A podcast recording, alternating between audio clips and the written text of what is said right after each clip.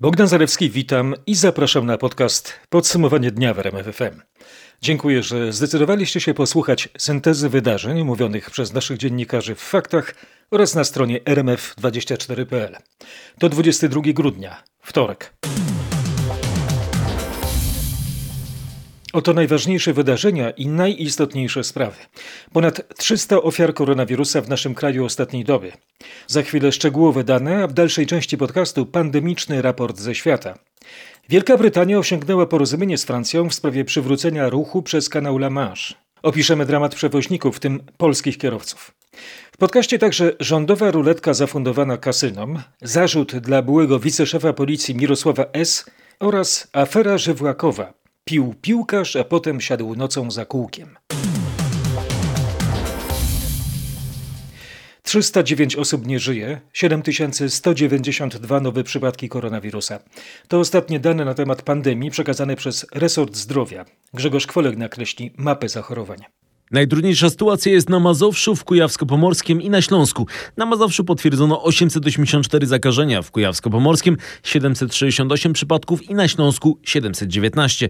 Ponad 500 zachorowań stwierdzono jeszcze w Pomorskim, Warmińsko-Mazurskim, Wielkopolsce i w Lubelskim.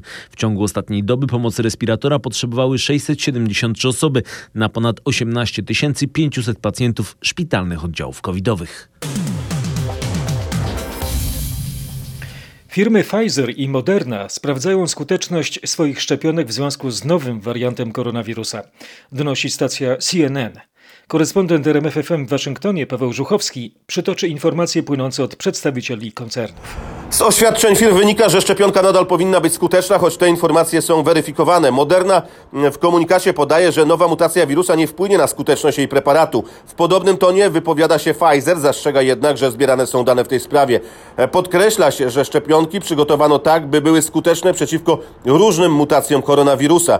Pierwsze oceny podają też eksperci ośrodka badawczego Walter Reed w stanie Maryland. Oceniają, że nowy wariant wirusa nie powinien być odporny na szczepionkę, ale badania trwają. Czy szczepionka skutecznie zwalczać będzie zmutowanego koronawirusa? To najważniejsze pytanie, jakie pada w Wielkiej Brytanii. Dwa tygodnie temu rozpoczęły się tam masowe szczepienia. W tym czasie nowy szczep doprowadził do odcięcia wysp od reszty Europy. Bogdan Fremorgan zacytuje wypowiedzi producentów preparatu. Z naukowego punktu widzenia to wielce prawdopodobne, że szczepionka ta poradzi sobie z nową odmianą koronawirusa. To słowa współzałożyciela firmy BioNTech. Technologia, jakiej używamy, pozwala nam na odzwierciedlanie w szczepionce mutacji, jakie przechodzi koronawirus, powiedział w programie BBC dr Ugur Sahin. Dodał jednocześnie, że gdyby przypadkiem okazało się, że konieczne będzie dostrojenie szczepionki, jego firma może to zrobić w 6 tygodni. Pierwsze osoby, które po zaszczepieniu uzyskają odporność, pojawią się na wyspach dopiero po 5 stycznia i to na nich skupi się uwaga naukowców.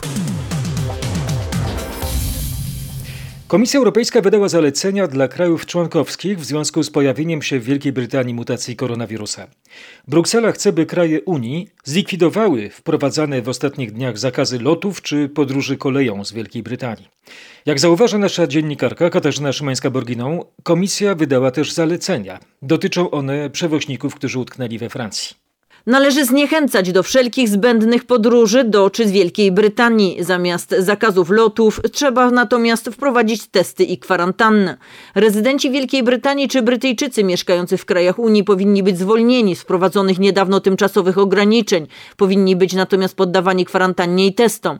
Transportowcy powinni być natomiast całkowicie zwolnieni z kwarantanny. Mogą być natomiast poddani szybkim testom antygenowym. Przepływ towarów musi być kontynuowany nieprzerwanie w celu celu zapewnienia np. terminowej dystrybucji szczepionek przeciw COVID-19, czytamy w komunikacie Komisji Europejskiej. Wielka Brytania osiągnęła porozumienie z Francją w sprawie przywrócenia ruchu przez kanał La Manche, poinformował we wtorek późnym popołudniem brytyjski minister transportu Grant Shapps. Jak poinformował francuski rząd, od środy rano wznowione zostanie kursowanie samolotów, promów i pociągów Eurostar. Będą one dostępne dla obywateli Francji, obywateli Unii Europejskiej i osób zamieszkałych we Francji. Do Francji z Wielkiej Brytanii wjeżdżać będą mogły również osoby odbywające niezbędne podróże, w tym personel medyczny walczący z COVID-19, osoby zajmujące się międzynarodowym transportem towarów, załogi kutrów rybackich oraz kierowcy autobusów i pociągów. Jednak, aby móc podróżować, będą oni musieli otrzymać negatywny wynik testu PCR na obecność koronawirusa, wykonanego wcześniej niż 72 godziny przed wyjazdem. Porozumienie to ma obowiązywać co najmniej do 6 stycznia. W związku z nową odmianą koronawirusa, która rozprzestrzenia się w Anglii, w niedzielę Francja zamknęła granice dla przyjazdów z Wielkiej Brytanii na 48 godzin, przy czym nie dotyczy to tylko ruchu pasażerskiego, ale też transportu towarów. Skutkiem tego było powstanie ogromnych korków przy dojeździe do Dover, gdzie znajduje się port promowy oraz wjazd do tunelu pod kanałem La Manche.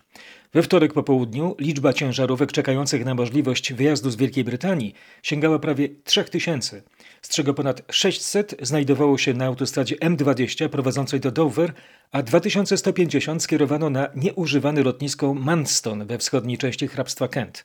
Jednak rozładowanie tej kolejki zajmie sporo czasu, zwłaszcza że zgodnie z zawartym porozumieniem do wjazdu do Francji uprawniać będzie negatywny wynik testu PCR, a nie szybkich testów. Przy testach PCR próbki wysyłane są do laboratoriów, a wyniki są podawane zwykle w ciągu 24 godzin. To oznacza, że w najlepszym wypadku zdecydowana większość kierowców mogłaby wjechać do Francji dopiero w czwartek. Zator wywołał falę protestów w samej Francji. Z Paryża Marek Gładysz. Wielkie sieci supermarketów alarmują, że w niezliczonych ciężarówkach zablokowanych w brytyjskim porcie Dover znajdują się m.in. ryby i owoce morza, które miały trafić na świąteczne stoły we Francji i które zamiast tego mogą się zepsuć. Francuskie związki zawodowe alarmują, że wielu kierowców utknęło w Dover bez żywności i środków higieny. Jedna z fabryk samochodów w Valenciennes wstrzymała produkcję w oczekiwaniu na części z Wielkiej Brytanii. Część paryskich komentatorów sugeruje, że prezydent Emmanuel Macron wykorzystuje sytuację epidemiczną, by mścić się na Wielkiej Brytanii za Brexit, ale uderza to również w samą Francję i między innymi w Polskę. Za moment o sytuacji polskich przewoźników, wcześniej sensacyjne spekulacje co do samego Macrona. Prezydent Francji czuje się gorzej niż to sam sugeruje w nagraniach filmowych zamieszczonych na portalach społecznościowych. Francuskie media cytują ministrów, według których szef państwa zmaga się z piorunującą wersją COVID-19. Według części ministrów, którzy uczestniczyli w wideokonferencji Macrona z członkami rządu, ten ostatni sprawia wrażenie bardzo osłabionego, zmaga się z nieustającymi ostrymi bólami głowy i stawów, chronicznym zmęczeniem oraz atakami kaszlu. Specjaliści sugerują, że najniebezpieczniejsze będą dla prezydenta Francji święta Bożego Narodzenia, bo to wtedy właśnie minie ponad tydzień od pojawienia się objawów i funkcjonowanie jego układu oddechowego może się nagle pogorszyć. Jeżeli w Wigilię rezultat testu na COVID-19 będzie ciągle pozytywny, 403-letni Macron, który poddał się izolacji w Wersalu, nie będzie mógł spędzić świąt z 67-letnią pierwszą damą. Wracamy do wtorkowej sytuacji przed portem w Dover. Nasz korespondent rozmawiał z polskim kierowcą panem Rafałem. Jego koledzy od poniedziałku nie mogą przekroczyć granicy. Żadne jakieś warunki, żeby jakieś prysznice czy toalety, no niektórym to już jedzenia nawet brakuje. A wszystko stoi. Nie wiadomo, czy dzisiaj o północy w, ogóle puszczą program. A czy na miejscu mają zapewnione jakieś takie podstawowe rzeczy typu woda, jakieś pożywienie? Pożywienie, no chłopaki coś tam jeszcze w lodówkach e, mają, no. A reszta to stoi, no, na ulicach. E, Anglicy udostępnili e, lotnisko, lotnisko, tylko nie ma to i to już nie ma nic. Na- Nawet gdzie wody do, do bańki nabrać, to, to kierowca ma ze sobą taką bańkę 10-litrową, żeby ręce rymy. Usłyszał od polskiego przewoźnika nasz brytyjski korespondent. Będzie dodatkowa pomoc dla polskich kierowców, którzy utknęli po angielskiej stronie kanału La Manche. To postanowienie po spotkaniu ministra infrastruktury z przedstawicielami organizacji transportowych. Belgii pierwsze szczepienia przeciwko COVID-19 rozpoczną się 28 grudnia i będą miały wymiar symboliczny. Pierwszymi zaszczepionymi osobami będą rezydenci czterech domów seniorów, donosi nasza dziennikarka Katarzyna Szymańska-Borgino. Jeden z domów jest w miejscowości Purs pod Antwerpią, gdzie znajduje się fabryka produkująca szczepionkę firmy Pfizer-BioNTech. To właśnie stąd wyruszą szczepionki do wszystkich unijnych krajów. Chodzi więc o symboliczny wymiar. Symbolika dotyczy także belgijskich regionów. Cztery domy seniora znajdują się odpowiednio w Brukseli, we Flandrii, Walonii i w części niemieckojęzycznej. Belgia zaczyna szczepienia od seniorów, bo to oni stanowią prawie 60% wszystkich zgonów. Pierwsza symboliczna partia dla Belgii to 10 tysięcy dawek, którymi zostanie zaszczepionych 5 tysięcy osób. Ponieważ w domach seniora przebywa w Belgii około 100 tysięcy osób, przyjmuje się, że szczepienia potrwają do końca lutego. Czeska Izba Poselska zezwoliła we wtorek rządowi na przedłużenie wprowadzonego w związku z pandemią koronawirusa stanu wyższej konieczności o 30 dni, czyli do 22 stycznia 2021 roku. Zgodnie z ustawą o bezpieczeństwie Republiki Czeskiej, kolejnymi etapami reagowania władz na poważne sytuacje kryzysowe są stan wyższej konieczności, stan zagrożenia państwa i stan wojenny. W niedzielę pierwsi Niemcy zostaną zaszczepieni zatwierdzoną w poniedziałek przez Europejską Agencję Leków szczepionką na koronawirusa. Zgodnie z deklaracjami niemieckiego rządu, w pierwszej partii do kraju dotrze 400 tysięcy dawek. Niemcy nazywają to Narodowym Programem Szczepień. Co on zakłada? Z treści Aneta Łuczkowska.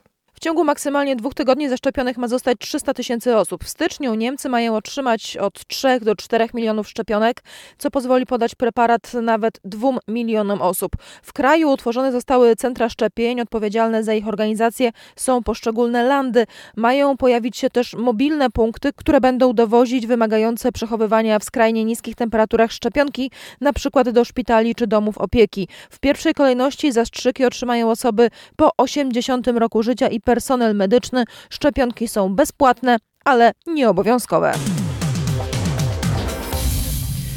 To, co dzieje się teraz, to bomba z opóźnionym zapłonem. Jedne firmy będą padać i pociągną za sobą kolejne. Obostrzenia wprowadzone jesienią i zamknięcie wielu branż do 17 stycznia to gwóźdź do trumny dla wielu firm, mówi gość popołudniowej rozmowy w RMFFM, rzecznik małych i średnich przedsiębiorców Adam Abramowicz. Marcin Zaborski pytał go, w których branżach jest najgorzej. No przede wszystkim e, gastronomia. Tutaj już widzimy na ulicach naszych miast pozamykane lokale. Także turystyka, przewozy turystyczne. E, nie było przecież w ogóle wycieczek szkolnych, nie było wyjazdów. Branża ślubna z całą otoczką. No i branża fitness, baseny, sauny. Adam Abramowicz i Marcin Zaborski. Cała rozmowa jest do posłuchania na rmf24.pl. Przedsiębiorcy, którzy postawili na kasyna, przegrywają. Rząd zmienia zdanie w sprawie koronawirusowego ograniczenia hazardu. Jeszcze rano z opublikowanego przez rząd rozporządzenia wprost wynikało, że kasyna nie zostaną zamknięte, a po południu ministrowie uznali, że jednak będą.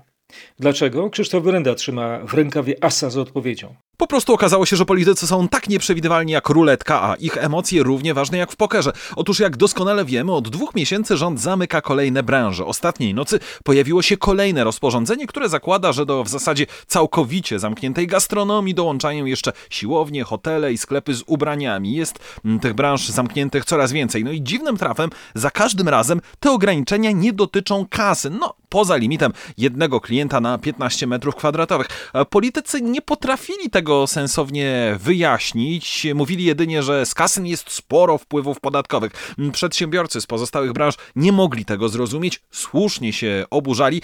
Ministrowie byli mocno zakłopotani. Ostatecznie więc rząd zmienił zdanie i ogłosił, że kasyna będą zamknięte od 28 grudnia do 17 stycznia co najmniej. Będzie wielka zrzutka na ratowanie polskich linii lotniczych. Komisja Europejska zatwierdziła właśnie zasilenie lotu przez rząd kwotą prawie 3 miliardów złotych. Co się składa na tę kwotę? No, są dwa składniki tej kwoty. Pierwsze to jest miliard 800 milionów złotych pożyczki z Polskiego Funduszu Rozwoju. Drugi element to miliard 140 milionów złotych zastrzyku gotówkowego do kapitalizowania e, z Funduszu Przeciwdziałania COVID-19. E, polskie linie lotnicze LOT są teraz w fatalnej sytuacji finansowej i tak jak zresztą inne globalne linie lotnicze, no i tak jak one, LOT wyciąga rękę po rządowe wsparcie. To ma uchronić naszego narodowego przewoźnika przed upadkiem. Rząd nad tą pomocą zastanawiał się mniej więcej od maja. Udało się dopiero teraz. To tarcza, która ma chronić gospodarkę w czasach COVID-u, a oto maseczka, która ma nas bronić przed koronawirusem. Przy bliskich kontaktach maseczki nie wystarczą, dlatego chcąc ograniczać rozprzestrzenianie się koronawirusa, nośmy maseczki i utrzymujmy dystans. O najnowszych wynikach badań naukowych Grzegorz Jasiński. Naukowcy z Uniwersytetu Stanowego Nowego Meksyku pokazali, że niezależnie od materiału, z którego wykonane są zwykłe, niemedyczne maseczki, osoba zakażona może emitować na odległość do dwóch metrów wystarczająco dużo zawierającego koronawirusa aerozolu, by zakazić innych. Choć nawet zwykła materiałowa maseczka przepuszcza tylko kilka procent drobin śliny, jeśli będziemy bardzo blisko siebie, wciąż ryzykujemy, że przekażemy lub złapiemy koronawirusa.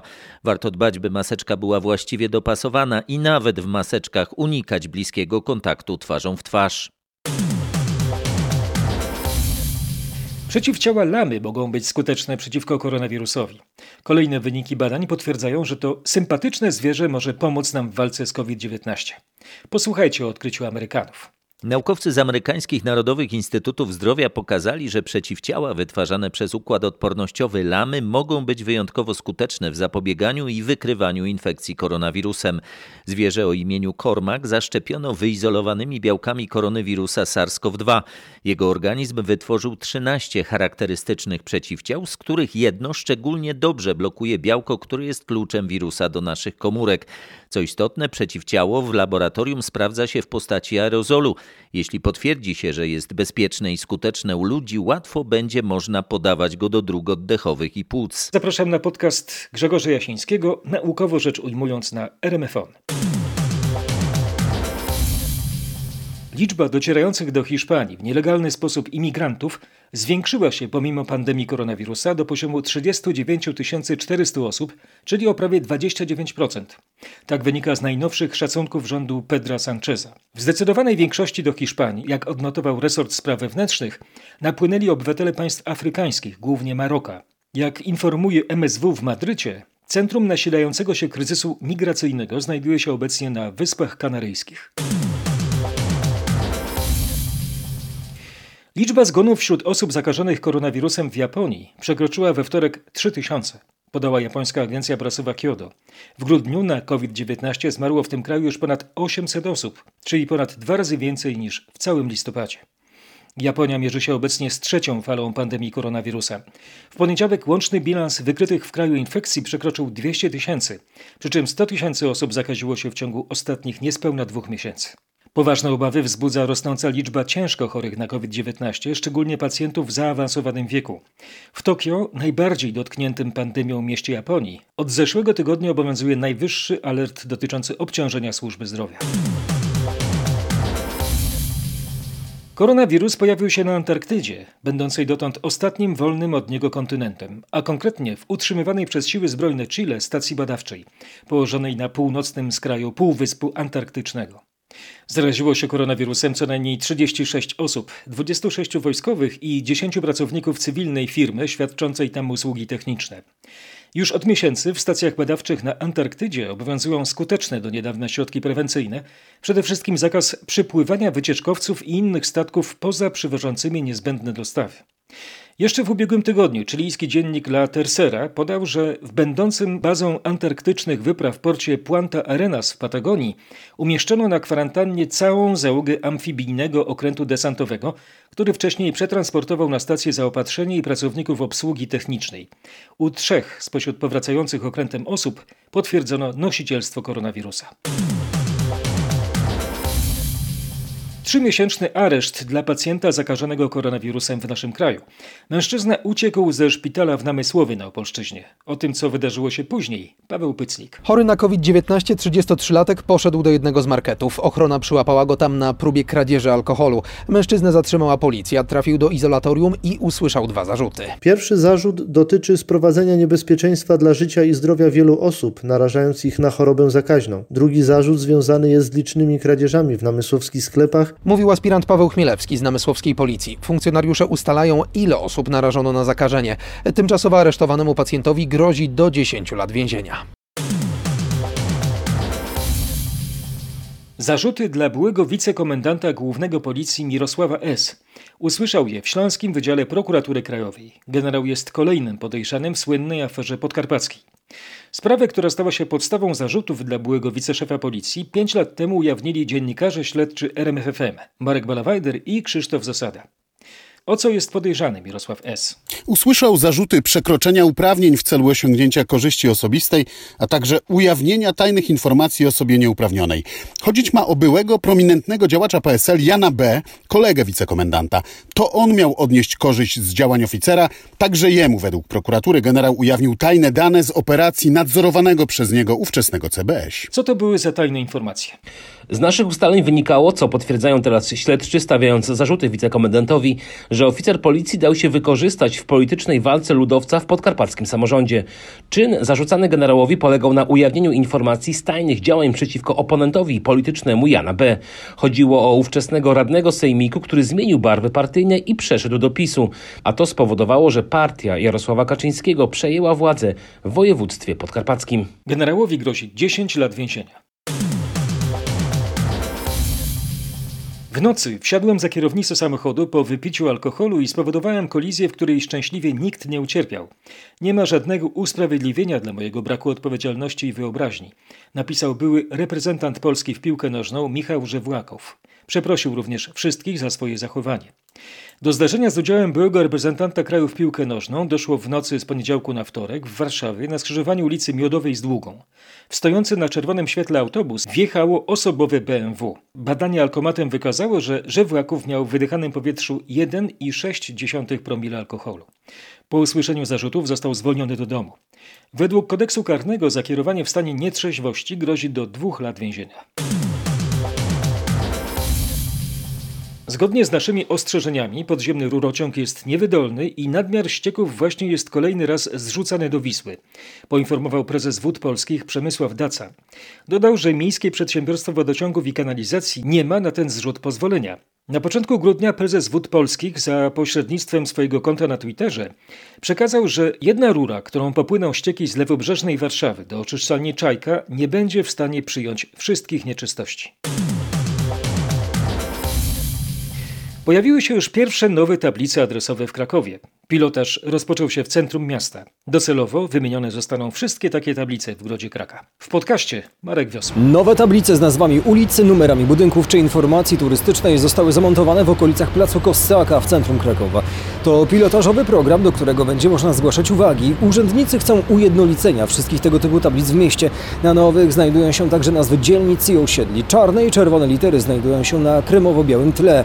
Chcemy skończyć z chaosem, mówi Krystian Banet z Zarządu Transportu Publicznego. To jest wizualne uspójnienie i konstrukcyjne uspójnienie nośników informacji miejskiej. Jak dotyczy to tablic z nazwami ulic, tablic adresowych, także tablic kierunkowych dla ruchu pieszego, dla ruchu kołowego, a także różnego rodzaju oznakowania turystycznego. Konsultacje społeczne odbędą się w przyszłym roku. Oto co zdarzyło się w kulturze we wtorek 22 grudnia. Malwina Zaborowska.